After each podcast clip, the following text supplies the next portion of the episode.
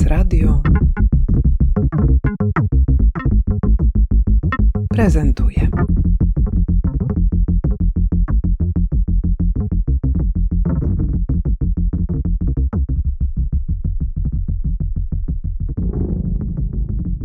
Ma być to dzieło, które jest nowoczesne i komunikatywne. Ma być to dzieło, które jest podniosłe, ale nie kiczowate. Ma być to dzieło, które niesie pozytywny przekaz, którego nam, tak mi się wydaje, brakuje i który jest dość rzadki. Jarosław Trybuś, historyk sztuki. Na nowej wizytówce mam napisane kierownik i pomysłodawca projektu Opera o Warszawie. O tej operze o Warszawie to już się nasłuchaliśmy. Było głośno. Przede wszystkim wtedy, kiedy pomysł został ogłoszony, wtedy, kiedy okazało się, że tych oper i pomysłów na operę o Warszawie już też mamy historyczne zasoby. Również wtedy, kiedy ogłoszono, kto ten pomysł zrealizuje. W jakim momencie w tej chwili jesteśmy z tą operą? Z początkiem roku ogłosiliśmy pracę nad tym dużym projektem, a niedawno ogłosiliśmy, kto będzie autorem libretta. Będzie to Beniamin Bukowski z Krakowa i kto będzie autorem partytury, czyli muzyki, będzie to Cezary Duchnowski z Wrocławia. Teraz czeka nas dość długi czas oczekiwania na dzieło gotowe. Spodziewamy się, że pisanie opery zajmie około 14 miesięcy. W tym czasie będziemy poszukiwać możliwości i osób, które e, zrealizują przyszły spektakl. To są delikatne sprawy, dlatego że mówimy o spektaklu czy o przedstawieniu utworu, którego nie ma. W związku z czym musimy sobie wyobrażać, ale od samego początku pracujemy z utworem, którego nie ma i wszyscy sobie jakoś go wyobrażamy i myślę, że niedługo on zacznie przebierać kształt. Jak w ogóle doszło do tego pomysłu? Jego podstawą jest y, książka Grzegorza Piątka, Najlepsze miasto świata. Ale powiedz proszę, jak to się stało, że w ogóle ta forma operowa przyszła Ci do głowy? Opera to zespolenie różnych sztuk i w wydaniu tym, które oglądamy w Warszawie, czyli na największej, czy jednej z największych scen świata, we wspaniałym, odbudowanym budynku. Bardzo dobrze, nowocześnie i czy wręcz znakomicie często przedstawiana. Wydała mi się od razu formą, która jest odpowiednia, żeby pokazać trud odbudowy e, Warszawy. Czyli moja osobista przyjemność z oglądania oper w Warszawie oraz świadomość tego, jakie, jakie one są dobre, jak dobrze zrealizowane, jak dużo mają publiczności, połączyła się z dawną świadomością tego, że odbudowę trzeba uczcić, że o odbudowie trzeba mówić, że odbudowa jest najważniejszym wydarzeniem w dwudziestowiecznych dziejach tego miasta, które wpływa na nasze codzienne życie. I wydało mi się, że idealnie pasują te dwie historie do siebie. No też scena operowa daje dużo możliwości posługiwania się walorem wizualnym, skrótem z konieczności w opowiadaniu tej skomplikowanej jednak historii. Opera potrafi robić takie rzeczy i w ostatnich latach mogliśmy się o tym przekonać wielokrotnie, ponieważ twórcy i twórczynie operowi podejmowali tematy no, powiedzmy takie nieoczywiste, odkrycia naukowe, procesy badawcze, jakieś wątki, które zwykle zarezerwowane były dla literatury czy dla filmu. I to wszystko tej pojemnej, nowej formule teatru operowego znakomicie się mieści. No ale na pewno z tej m, takiej ogólnego stwierdzenia, że to będzie opera o Warszawie, jest tam jakiś konkretny temat, który jest podstawą całego tego pomysłu. No tak, odbudowa. Czyli odbudowa jest najistotniejszą historią, którą chcemy pokazać. Jak ona zostanie pokazana, nie wiem. Niemniej m, autorzy dostali najlepszą książkę o odbudowie z najlepszym tytułem Najlepsze miasto świata po to, żeby wyciągnąć z niej wątki, które są dla nich interesujące i żeby oprzeć się o tę niezwykle plastyczną opowieść, którą snuje Grzegorz Piątek. Mamy zatem tytuł, mamy tekst, plastyczny tekst, którego można wyciągnąć te, tak mam taką nadzieję, można wyciągnąć te wątki, historie, postaci, które dadzą się postawić na scenie operowej. A opera potrafi czynić cuda.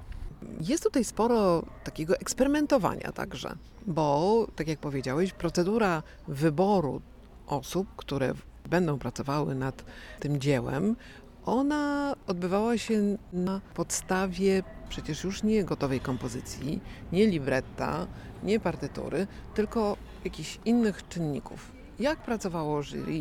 Jak to się stało, że akurat ci ludzie zostali wybrani do tego zadania? Wszystko jest tu eksperymentem, dlatego że nie żyjemy w, już w XIX wieku, w którym zamawianie oper było, nie powiem codziennością, ale było dość częstym zjawiskiem. E, sytuacja jest zupełnie inna. Każdy element tego procesu jest eksperymentem, ale towarzyszy temu eksperymentowi bardzo dobre nastawienie wszystkich, którzy o nim słyszą. I prawdopodobnie ten uśmiech, lekka ekscytacja powodują, że wszyscy w to wierzą i bardzo uważają i starają się, żeby się udało. Zastanawialiśmy się, w jaki sposób wybrać osoby, które napiszą muzykę i tekst. I doszliśmy do wniosku, mówię w liczbie mnogiej, dlatego że w tym procesie uczestniczy Jerzy Kornowicz, dyrektor Warszawskiej Jesieni, Janusz Marynowski, dyrektor Symfonii Warsowi, dyrektor Waldemar Dąbrowski, dyrektor Teatru Wielkiego i oczywiście miasto stołeczne, które jest mecenasem tego dzieła. Zastanawialiśmy się, jak wybrać osoby piszące i doszliśmy do wniosku, że zaprosimy tych autorów, o których środowisko muzyczne i środowisko literackie uważa, że mogą sprostać temu zadaniu. Nie ukrywam, że kierowaliśmy się nie tylko dorobkiem, ale również wiekiem. Bardzo zależy mi na tym, żeby, żebyśmy nie wpadli w kolejny, żeby to było dzieło, które jest świeże, które jest nowe, które nas wszystkich zaskoczy. Literaci dostali zadanie w postaci napisania, streszczenia dzieła oraz napisania kilku scen a muzycy dostali fragmenty tekstu przygotowane przez Gregorza Piątka, nie wyjęte z książki, tylko przygotowane specjalnie na konkurs do zilustrowania muzyką. Dostaliśmy w efekcie, jeśli chodzi o muzykę, bardzo interesujące propozycje, które i tutaj podzielę się swoim zaskoczeniem. Jestem ze świata sztuki i architektury i w architekturze na konkursach stosuje się wizualizację. Czyli mamy projekt, który nie istnieje, ale dzięki programom komputerowym jest wizualizowany tak, że jego wizerunek przypomina fotografię. Często re, bardzo realistyczną. Okazuje się, że muzycy dysponują programami, które są w stanie przygotować audiację ich zapisów nutowych, ich partytur, dzięki czemu osoby również nieprzygotowane do czytania partytury, a jest to dość skomplikowane, dostały fragmenty muzyki, z których wybieraliśmy. To było wspaniałe doświadczenie, dlatego że jury składające się z kompozytorów, kompozytorek, dyrygentów, ludzi, którzy żyją muzyką i mają ogromne doświadczenie, to jury pracowało przez trzy dni w niezwykłym skupieniu. Przyznam, że nie uczestniczyłem nigdy w takim sądzie konkursowym, w którym wszyscy są zainteresowani bardziej słuchaniem siebie nawzajem, mimo swojej ogromnej wiedzy i autorytetu, niż mówieniem wypowiadaniem swojego zdania. Te próbki, które dostaliśmy, były tak dobre, że właściwie każda z nich mogła zostać wybrana. A zatem to szanowne jury zdecydowało się dyskutować trzy dni nad estetyką, co jest wielkim przywilejem, wielką rzadkością, jeśli możemy rozmawiać tylko o estetyce, a nie o warsztacie. Mogliśmy rozmawiać jeden dzień, a rozmawialiśmy trzy. I te rozmowy doprowadziły do wyboru próbek, które okazały się później dziełem Cezarego Duchnowskiego. Powiem może o tym, jakie były założenia ogólne co do tego dzieła. Ten najkrótszy opis tego, o co nam chodzi. To ma być dzieło na wielką scenę, które używać ma pełnego aparatu wykonawczego, czyli orkiestry symfonicznej, chóru, solistów, chóru dziecięcego oraz elektroniki i multimediów, czyli wszystko, co możemy sobie e, wyobrazić. Nie musi, ale może z tego korzystać. Ma być to dzieło, które jest nowoczesne, i komunikatywne. To nie musi być sprzeczne. Ma być to dzieło, które jest podniosłe, ale nie kiczowate. Ma być to dzieło, które niesie pozytywny przekaz, którego nam, tak mi się wydaje, brakuje i który jest dość rzadki. A zatem to zadanie było bardzo trudne. pogodzenie wymagań związanych z tym wielkim aparatem wykonawczym, takich utworów się prawie nie pisze, z pozytywnym charakterem, z nowoczesnością wyrazu i wyobrażenie sobie jeszcze, że to ma być na tej ogromnej scenie. Ale się bardzo się udało. Jeśli chodzi o konkurs literacki, sprawa była trochę inna, dlatego że większość uczestników przywiązała się niezwykle do tekstu książki i niewiele dostaliśmy prac, które wyciągały jakieś elementy, które abstrahowały coś. Ale to nie szkodzi. Tym przypadku ocenialiśmy nie gotową próbkę dzieła operowego, bo przecież niemal nikt nie pisał w ostatnich latach libretta, tylko ocenialiśmy warsztat, sprawność posługiwania się tego rodzaju językiem, jego rytmem itd. Tak itd. Tak I wybraliśmy pracę, która okazała się pracą Beniamina Bukowskiego.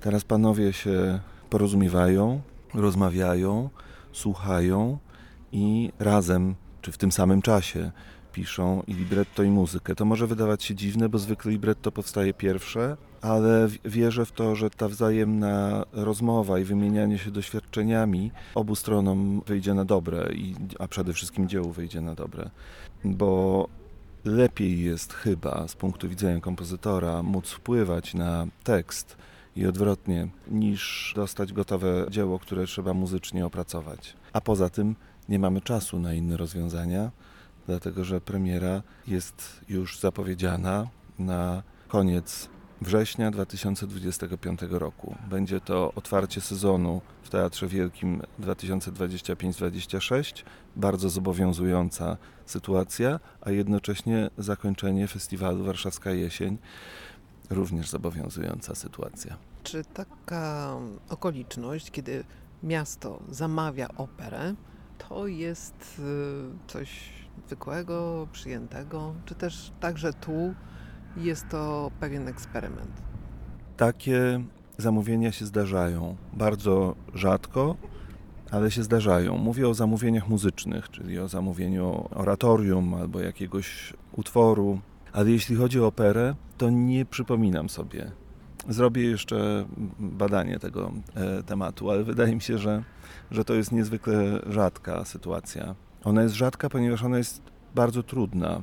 W takim sensie, że trzeba doprowadzić do zgody, e, chęci porozumienia i mm, chęci współpracy bardzo wiele e, osób, wiele instytucji. Bo jak powiedziałem, opera jest jedną z najbardziej skomplikowanych, z najbardziej skomplikowanych sztuk, o ile nie najbardziej skomplikowaną, ponieważ łączy w sobie e, tak liczne elementy. No tutaj jeszcze jest kwestia związana z własnością tego dzieła.